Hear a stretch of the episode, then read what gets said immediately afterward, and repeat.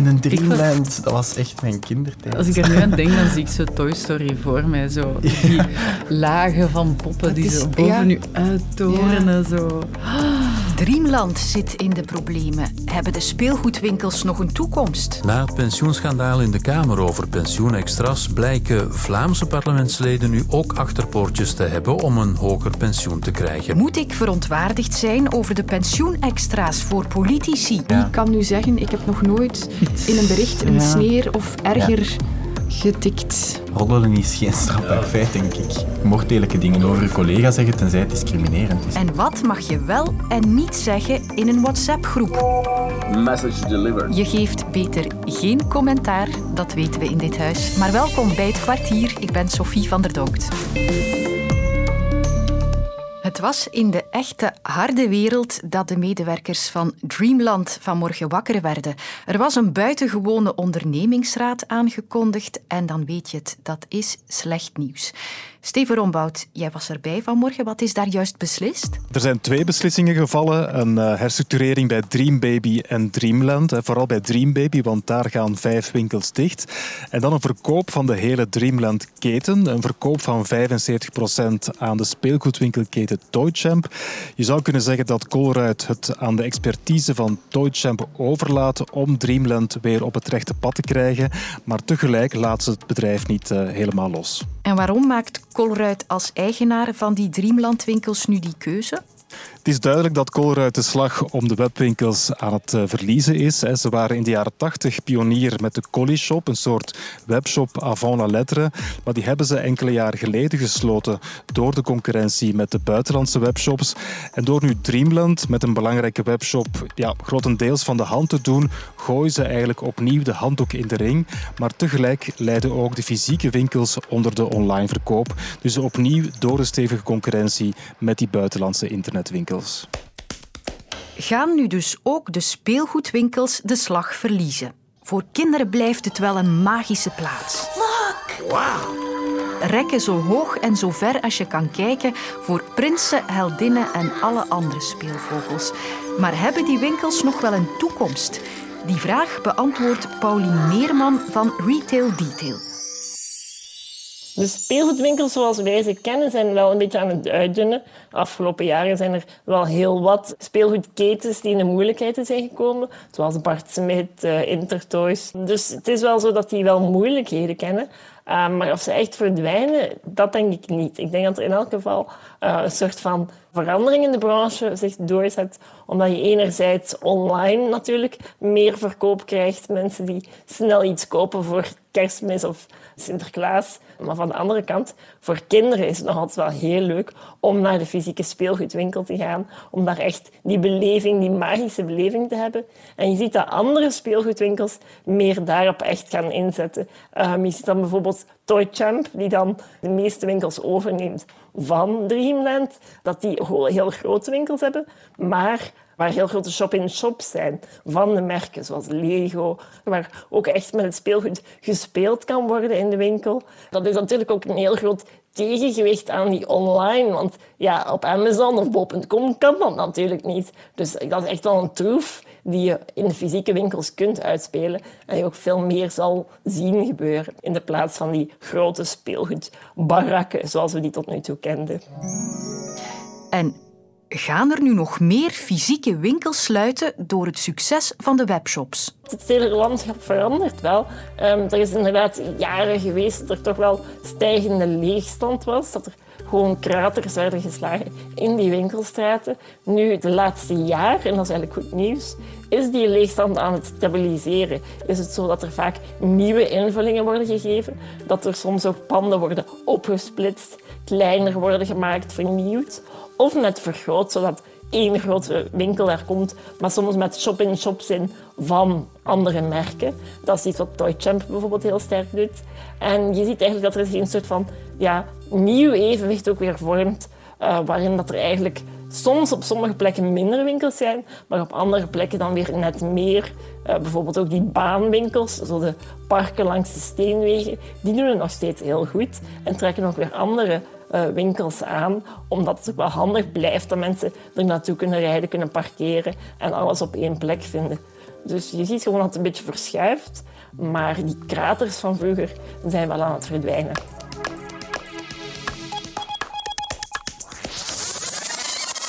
Consternatie in de wedstraat vandaag. Want wat blijkt, gewezen Kamervoorzitters Siegfried Brakke en Herman de Croo kregen bovenop hun pensioen onwettig zeer grote bedragen uitbetaald. Dat was begin maart de start van de heisa over de pensioenextra's die de oud-Kamervoorzitters Herman de Croo en Siegfried Brakke gekregen hadden. En ook enkele topambtenaren. Bijna iedereen kwam uit de lucht gevallen en niemand leek zich van enig kwaad bewust. Herman de Croo stortte intussen al meer dan 200.000 euro terug, maar noemde dat geen schuldbekentenis. Gisteren bracht het laatste nieuws dan uit dat alle Kamerleden al bijna tien jaar het wettelijke maximumpensioen kunnen overschrijden. En vandaag bleek het Vlaams parlement in hetzelfde bedje ziek. In Vlaanderen zegt men graag wat we zelf doen, doen we beter. En op vlak van graaipolitiek is het dan blijkbaar vroeger. Want men heeft al tien jaar, voordat men in de Kamer die regeling heeft ingevoerd, heeft men dat in het Vlaams parlement al gedaan. Jos Dazen van oppositiepartij PVDA kwam nu vertellen dat ook de Vlaamse parlementsleden tot 20% boven het wettelijke maximumpensioen kunnen krijgen. De oorzaak is voor hem ook duidelijk. De, de basis van het probleem is eigenlijk dat parlementsleden over hun eigen pensioen en over hun eigen loon beslissen. En denk dat we daarmee moeten stoppen. Zou dat de oplossing zijn? Ik haalde een econoom uit de aangename lentezon. Ja, het is hier, moet ik zeggen, sinds een uur of wel elf schitterend weer geworden. Herman Matthijs van de UGent en de VUB. En ik ben vooral gespecialiseerd in het domein begrotingsrecht, openbare financiën en publiek management. Kan er beter iemand anders beslissen over die lonen en pensioenen van het parlement? Ja, dan is mij de vraag natuurlijk, wie gaat het in hun plaats beslissen? Ze hebben toch de democratische legitimiteit gekregen via de verkiezingen. Ze hebben ook de opdracht gekregen de bevoegdheid om beslissingen te nemen. Dat is toch de basis van een parlementair systeem, dat een verkozen parlement de beslissingen neemt en ook die verantwoordelijkheid neemt. Nu bestaan er wel landen waar er een ander mhm. systeem is. Hè? In het Verenigd Koninkrijk bijvoorbeeld wordt dat uitbesteed, om het zo te zeggen. Ja, in het Lagerhuis is het zo dat er een speciale commissie is uh, met externen die daar inderdaad uh, over nadenken en ook voorstellen doet. Dat zou je bij ons ook kunnen installeren, maar de vraag is wie moet er dan in die commissie gaan zetelen? Ik heb dan al voorstellen gezien dat men mensen gaat loten. Ja, was daar een democratische waarde van, van een lotingssysteem? Men heeft dat bij ons terecht afgeschoten, omdat dat tientallen jaren heeft bestaan bij de dienstplicht. Dat was een compleet ondemocratisch systeem. En nu zouden we dat terug gaan invoeren om de parlementaire wetten te gaan bepalen. Wie gaat je daarin zitten? Magistraten. Gaan dan magistraten moeten gaan beslissen over de wetten van parlementsleden. Gaat je daar professoren in steken? Ja, dan moet dat professoren vinden die inderdaad iets kennen van het parlementair systeem en van, van de begrotingssystemen. Dus we laten het volgens u toch beter aan het parlement, maar daar lijken ze nu wel zelf verrast over al die extraatjes. Dat is natuurlijk wel al jaren een pijnpunt in de parlementen dat er relatief weinig parlementsleden zijn die budgetair en fiscaal onderlegd zijn. Dat is al jaren een probleem waardoor er natuurlijk ja, veel wordt gestemd en dat men vaak niet weet wat men stemt. Maar goed, dat is ook wel de taak van de parlementsleden. Ze hebben ook medewerkers om veilig de begrotingen eens ernstig door te nemen. Hè.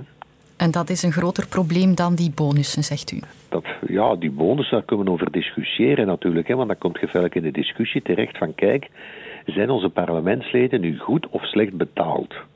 Als je nu mijn persoonlijke mening daarover wilt, in vergelijking met het buitenland, vind ik niet dat onze parlementsleden extreem beter betaald zijn. We hangen zo wat in de middelmoot. Maar er is wel een ander probleem bij ons. Dat is dat wij te veel parlementsleden hebben in verhoudingsgewijs met andere landen. Maar globaal vind ik niet dat die wetten van parlementsleden nu extreem hoog zijn in vergelijking met het buitenland. Je moet het ook vergelijken met vergelijkbare landen zoals Zweden, Zwitserland en Nederland en zo. Dus als ik uh, concludeer in uw plaats. Mhm. Ze verdienen niet te veel, zitten in de middenboot. Ze zijn misschien wel met te veel. Te veel, zeker, ja. En als het dan over de heisa van de pensioenen gaat... Ja, de heisa, bedoel, het, het is al tientallen jaren goedgekeurd. En na x zoveel jaren zegt men dat is hier een probleem. Ja, dan vraag ik me af, waarom is dat de afgelopen tientallen jaren dan geen probleem geweest? Daar zijn we dan beter verontwaardigd over, zegt u. Dat is duidelijk, bedankt. Geen dank, goedjes. Geniet nog van de zonnige dag. Uh, ik hoop dat het zo blijft duren. Wel, ik zal er niet veel aan hebben, want uh, ik moet naar vergaderingen. Dus. en kijk, nog voor de zon onderging vandaag is er al het een en het ander veranderd. Het Vlaams parlement schrapt de speciale regeling waardoor parlementsleden een pensioen boven de wettelijke limiet konden krijgen. En het federaal parlement is gevolgd, gaat het pensioen dus ook beperken tot het wettelijke plafond. De sportschool in Hasselt heeft acht leerkrachten preventief geschorst. In een besloten WhatsApp-groepje hebben ze grove berichten gestuurd over anderen. De advocaat van de slachtoffers kon de berichten inkijken en volgens hem was het niet zomaar onschuldig roddelen. Racisme, seksisme, homofobie, bodyshaming. En waarbij er eigenlijk collega's worden geviseerd die op dezelfde school werken en ook bij gelegenheid leerlingen. Dit moet stoppen. Een heel ander geluid hoor je bij de advocaat van de acht geschorste leerkrachten. Het zijn berichten, het zijn mopjes, het, is, uh, het kadert in humor, mannenhumor, grootsprakerij af en toe. Wij blijven erbij dat dat gesprekken zijn die in een privésfeer gebeurd zijn, die nooit de bedoeling hebben gehad om mensen te kwetsen of te schaden. Indien dit niet publiekelijk gebeurt, indien dit in een besloten privésfeer gebeurt, ben ik van oordeel dat men zo ver niet kan gaan. Ik heb hier iemand nodig die geen betrokken partij is. En ik kom bij advocaat Vicky Bulens terecht. Ja, goedemiddag. Zij zegt dat er een duidelijk onderscheid is tussen humor en discriminatie. Het gewoon beledigen van mensen is in België absoluut niet strafbaar. Het recht op vrije meningsuiting is een fundamenteel recht. Maar de grens moet getrokken worden waar men het, uh, de andere persoon of de groep van individuen gaat aantasten in hun integriteit, hè, in hun fundamentele rechten. En dat is absoluut het geval wanneer we spreken over discriminatie of het aanzetten tot haat. Wanneer je gewoon iets lacht met een, een haarkleur of, of wat dan ook, ja, dat kan heel vervelend zijn. En uiteraard willen we als samenleving optreden tegen pestgedrag. Maar dat is wel van een heel andere orde dan wanneer men spreekt over discriminatie, racisme of het aanzetten tot haat een belangrijk verschil. Roddelen, dat doen we allemaal wel eens, maar discrimineren, dat is nooit oké. En als je dan bijvoorbeeld iets racistisch typt in een WhatsApp-groep met vrienden of gelijkgezinden, dan denk je misschien, hier kan ik mij dat permitteren. Maar niks is minder waar. Dat is toch wel heel treffend hier in die WhatsApp-groep, dat het blijk geeft van een aantal personen samen. Dus het is niet een groepje één op één, maar het zijn verschillende personen. En dan zegt de wet zeer duidelijk dat je eigenlijk al te maken hebt met een publiek, uh, publiek forum. Dus inderdaad, als er meerdere personen in een WhatsApp-groepje zitten, dan uh, val je onder die beperkingen op het recht van vrije meningsuiting. En dan zal je toch die richtlijnen wel wat strenger moeten interpreteren dan wanneer je gewoon één op één met je partner of met, uh, met, je, met je collega of met je buurman in dialoog gaat. Dat klopt. Zelfs in de groepschat met je vrienden of je familie moet je dus opletten. En nog meer in een groepje met collega's. Bijna elke samenwerking wordt de dag van vandaag een beetje gekleurd door ook vriendschappelijke relaties. Dus de, de klassieke invulling van een arbeidsrelatie, het echte ondergeschikt verband, baas-werknemer en uh, werknemer-collega's, dat is een beetje verwaterd. Het is allemaal wat informeler. Dus die vriendschappelijke omgangsvormen die zijn ingeburgerd momenteel. En dat is dus ook geen excuus waar men zich nog achter zal kunnen verschuilen om te zeggen, ja, het was eigenlijk uit kameraadschap onder elkaar. Nee, je bent in een professionele context. Ja, en in dergelijk kader, als er een link is met het professionele, zal men ook veel sneller kunnen oordelen dat er een publiekelijke uitspraak is gedaan. Meer dan wanneer je tussen twee partners in een privésfeer, uh, in, in, in, de, in de woonkamer bijvoorbeeld, een gesprek hebt. En het is nog eens extra pijnlijk dat het hier om leerkrachten gaat. Dat het leerkrachten zijn, uh, zal zeker en vast een verzwarende omstandigheid uitmaken. Men heeft als leraar toch nog altijd een bepaalde eh, voorbeeldfunctie. Men zou toch een bepaald educatief en maatschappelijk project moeten uitdragen. Nu, op zich geldt er de regelgeving voor iedereen. Hè. Dus ze zijn op zich niet strenger, de bepalingen voor, voor leraars. Maar ik denk toch wel dat men in bepaalde voorbeeldfuncties kan spreken van een verzwarende omstandigheid. De advocaat van die geschorste leerkrachten zal er dus een vette kluif aan hebben. En misschien denk jij nu ook twee keer na over wat je appt of mailt over anderen. Tot morgen. Luister ook naar Win-Win, de podcast waarin Sven Pichal en Kathleen Kraanhals tips geven om slimmer met je geld om te gaan. Nu in de app van VRT Max.